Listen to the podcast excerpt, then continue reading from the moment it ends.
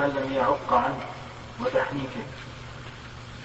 حدثني إسحاق بن نصر قال حدثنا أبو أسامة قال حدثني بريد عن أبي بردة عن أبي موسى رضي الله عنه قال ولد لي غلام فأتيت النبي فأتيت به النبي صلى الله عليه وسلم فسماه إبراهيم فحنكه بتمره ودعا له بالبركة ودفعه إلي وكان أكبر ولد ابي موسى. حدثنا مسدد قال حدثنا يحيى عن هشام عن ابي عن عائشة رضي الله عنها قالت أتي النبي صلى الله عليه وسلم بصبي يحنك فبال عليه فأتبعه الماء. الله أكبر. الرسول صلى الله عليه وسلم التمر وهو يبول عليه لكن غير مكلف هو يعني عليه إثم أو لا ليس عليه إثم لكن هذا من آيات الله الله أكبر. نعم. حدثنا إسحاق بن نصر. نكمل الباب. قال حدثنا أبو أسامة قال حدثنا هشام بن عروة عن ابيه عن أسماء بنت أبي بكر رضي الله عنهما أنها حملت لعبد الله بن الزبير بمكه قالت فخرجت وأنا مسلم. فأتيت المدينة فنزلت قباء فولدت بقباء ثم أتيت به رسول الله صلى الله عليه وسلم فوضعته في حجره. ثم دعا بتمرة فنظرها ثم كفل في فيه فكان أول شيء دخل جوفه ريق رسول الله اللهم صل وسلم اللهم صل وسلم عليه ثم حنكه بالتمرة ثم دعا له فبرك عليه وكان أول مولود ولد في الإسلام ففرحوا به فرحا شديدا لأنهم قيل لهم إن اليهود قد سحرتكم فلا يوجد لكم. أعوذ بالله. حدثنا مرة قال حدثنا يزيد بن هارون قال أخبرنا عبد الله بن عمرو عن أنس بن سيرين عن أنس بن مالك رضي الله عنه قال كان ابن لأبي طلحة يشتكي فخرج أبو طلحة فقبض الصبي فلما رجع أبو طلحة قال ما فعلتني ما فعلتني قالت أم سليم هو أسكن ما كان فقررت اليه العشاء فتعشى ثم أصاب منها. فلما فرغ قالت واري الصبي. ولما أصبح أبو طلحة أتى رسول الله صلى الله عليه وسلم فأخبره فقال أعرستم الليلة؟ أعرستم أعرستم الليلة قال نعم. قال قال اللهم بارك لهم. أعرستم هذه فعل ماضي لكنها حذفت منها همزة الاستفهام تقدير؟ أعرستم أما عرستم بالتشديد فهي معناها النزول في آخر الليل. والهمزة ليست منها. في نزول آخر الليل. نعم. قال نعم. قال اللهم بارك لهما في ليلتهما. فولدت غلاما قال لي أبو طلحة احفظه حتى تأتي به. النبي صلى الله عليه وسلم. فأتى به النبي صلى الله عليه وسلم وأرسلت معه بتمرات بتمرات. فأخذه النبي صلى الله عليه وسلم فقال أمعه شيء؟ قالوا نعم تمرات. فأخذها النبي صلى الله عليه وسلم فمضغها ثم أخذ من فيه فجعلها في في الصليب وحنكه به. وسماه عبد الله. حدثنا محمد بن مثنى قال حدثنا ابن ابي عدي عن ابن عون عن محمد عن أنس وساق الحديث. قول المؤلف كتاب العقيقة. العقيقة مأخوذة فعيلة من بمعنى مفعولة. يعني معقوقة والعق بمعنى القطع. وسميت بذلك لأنها تذبح فتقطع أوداجها. وهي عندنا اللغة العامية التميمة. تميمة من التتميم لأنها تتمم مكارم الولد فإن كل غلام مرتهن بعقيقته. وهي سنة. وأما التسمية فقال المؤلف باب تسمية المولود غداة يولد لمن لم يعق وتحنيكه.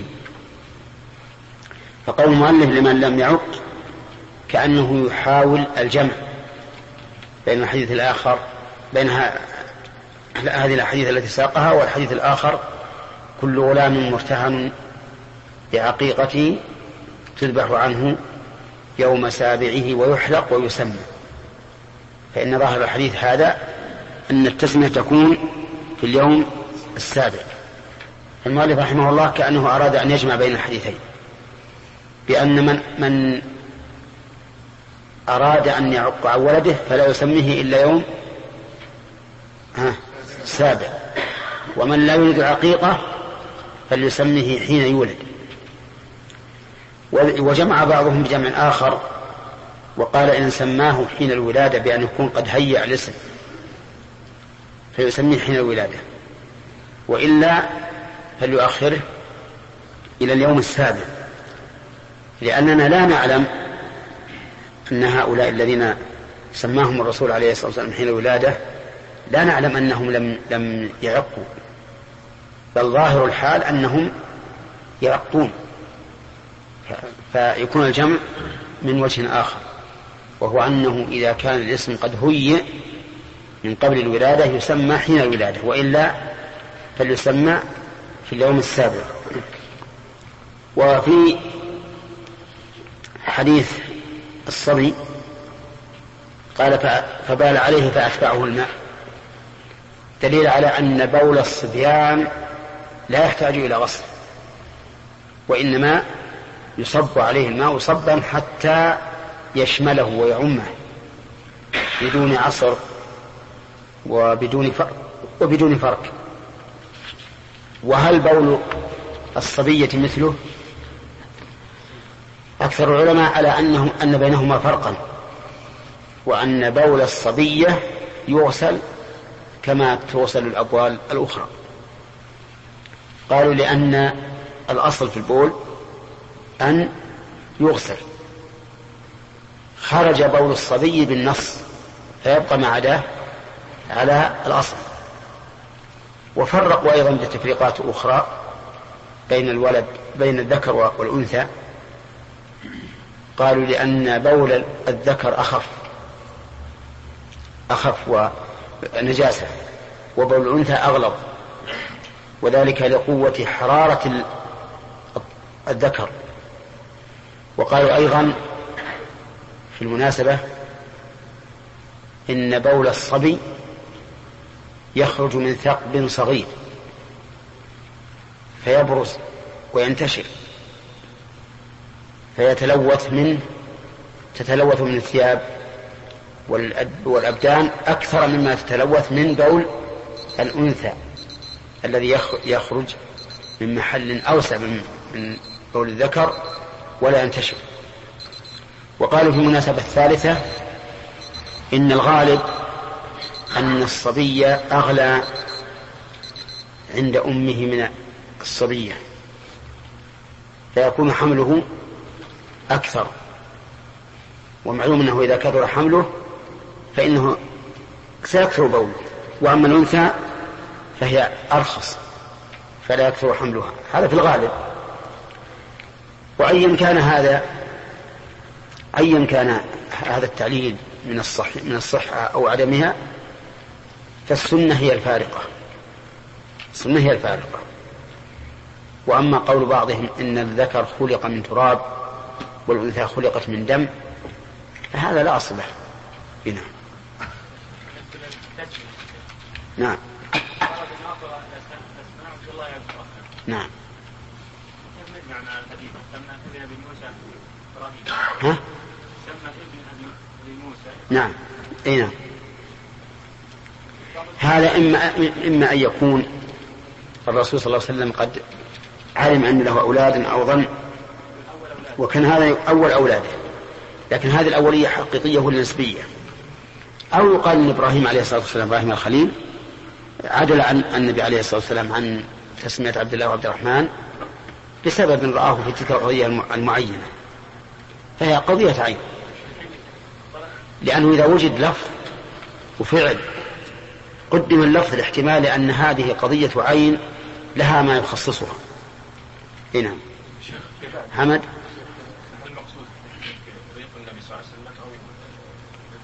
إي. هذه مسألة نبحثها إن شاء الله. هل المقصود هذا أو هذا؟ نعم.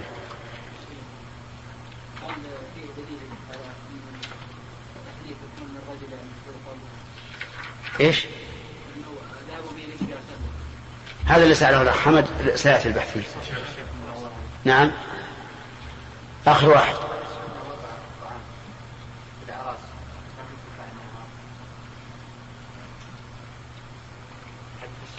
لا لا حسب حسب العادة. حسب العادة وهو متيسر نعم. نعم. والحديث الآخر أفضل أحب الأسماء إلى الله. نعم. الله عبد الرحمن. نعم. ما نجمع أنه هنا قد أمر بالتسمية. نعم. تسموا بأسماء الأنبياء وهنا بين انه أفضل الاسماء عبد الله عبد الرحمن. إخبار. ويقدم الأمر على الإخبار. لا. أولا سلمك الله حقق لنا هذا الحديث. تسموا بأسماء الأنبياء لأن ما عن صحته. والثاني والثاني لو فرض أنه صح فما كان أحب الله فهو أفضل. نعم. ورانا انطلقنا الآن. انتهى الوقت؟ ما علمت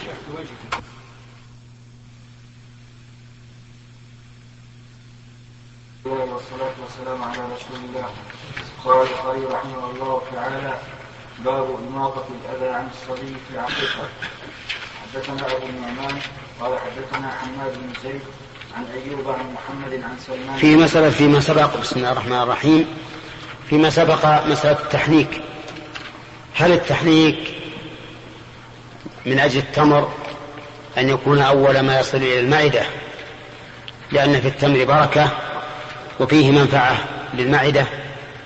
أو إنه من أجل ريق النبي صلى الله عليه وسلم. فإن قلنا بالثاني فالتحنيك بعده لا يستحب لأنه لا أحد يتبرك بريقه وعرقه وفضل مائه إلا رسول الله صلى الله عليه وسلم. وإن قلنا بالأول أنه ما يجد التمر قلنا أن التحنيك سنة مطلقا. وهذا هو الذي عليه أكثر الناس أنه سنة مطلقة ولكن ينبغي بل قد يجب إذا رأى الإنسان من نفسه أن فيه مرضا فإنه لا يحنك الصبي لأن ذلك ربما ينقل المرض من المريض إلى السليم لا سيما وأن الصبي ضعيف المقاومة عنده ضعيفة. ثم كيفية التحنيك؟ أن يمضغ التمرة ثم يأخذها بأصبعه ويدخلها في فمه ويديرها في فمه في جميع على جميع الحنك. ولا بد أن تكون أيضا رقيقة جدا ليس فيها وفل. يعني ما فيها وفل لأن حلق الصبي ما يتحمل أن يجري فيه الوفل لا سيما أنه أول ما يكون أول ما دخل بطنه من الطعام فلا بد أن يمضغها جيدا من أجل أن يسهل عبورها مع المري. نعم. ها؟ والله أكثر الناس على على هذا على أنه من أجل التمر. نعم. فعل الصحابة كونهم يقوم الصيام للنبي صلى الله عليه وسلم ما يرجع إنه؟ الصلاة والسلام لا ما, ما يرجع. لأنه أي واحد يقوم ما في شك إن اللي حصل له ريق الرسول أحسن. نعم. ما يمكن شيخ الجمع بين الأول والثاني؟ ما يمكن. ما يمكن لأن الرسول ميت الان مريض ريق الرسول ما حصل. لا أقول يعني بالنسبة لما كان صلى الله عليه وسلم موجود فكان الريق والتمر. مم. والآن لما مات صلى الله عليه وسلم فنقتصر على الأول. أو الثاني. هو هذا هو الآن الكلام الآن على على ما بعد الرسول. لكن في عهد الرسول صلى الله عليه وسلم كانوا يأتون به يأتون بهم إلى الرسول صلى الله عليه وسلم فيحنكهم. ما ها؟ ما لا ما هو بيعطي التمر. بعد عطه في اسمه أصلا لا تمره هو ينظرها مرة حتى تصير مثل الماء.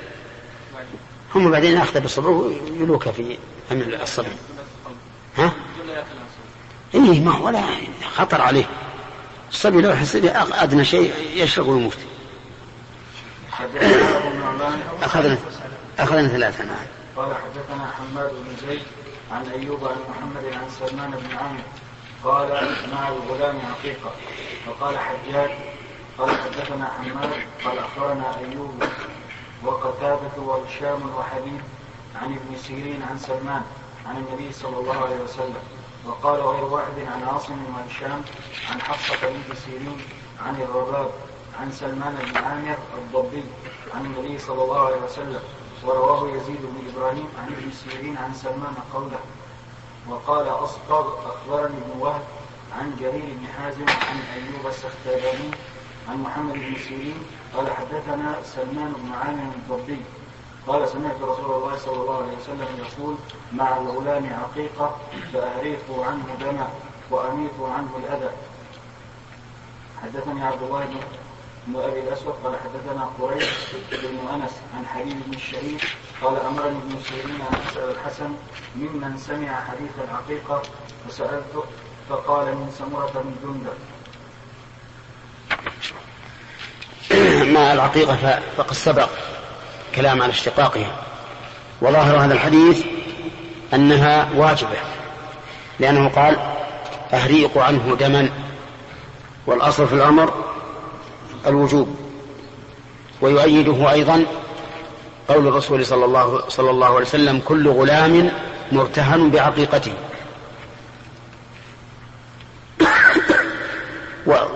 ولكن أكثر أهل العلم يقولون أنها سنة وليست بواجبة.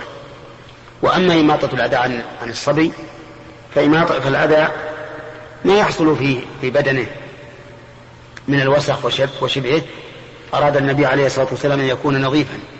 وقيل أن المراد به أي بإماطة الأذى هو حلق الرأس هو حلق الرأس لقوله تعالى فمن كان منكم مريضا أو به أذى من رأسه. فإذا حلق الرأس صار نظيفا. عندكم بالفتح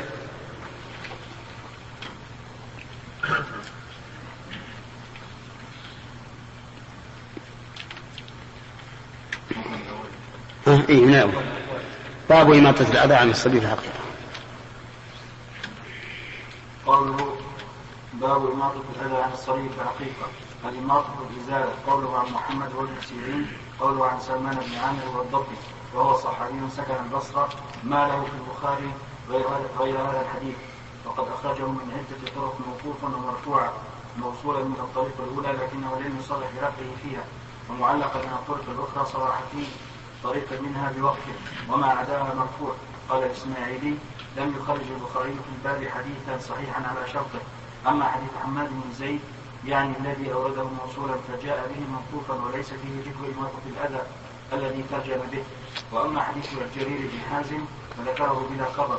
وأما حديث حماد بن سلمة فليس من شرطه في الاحتجاج.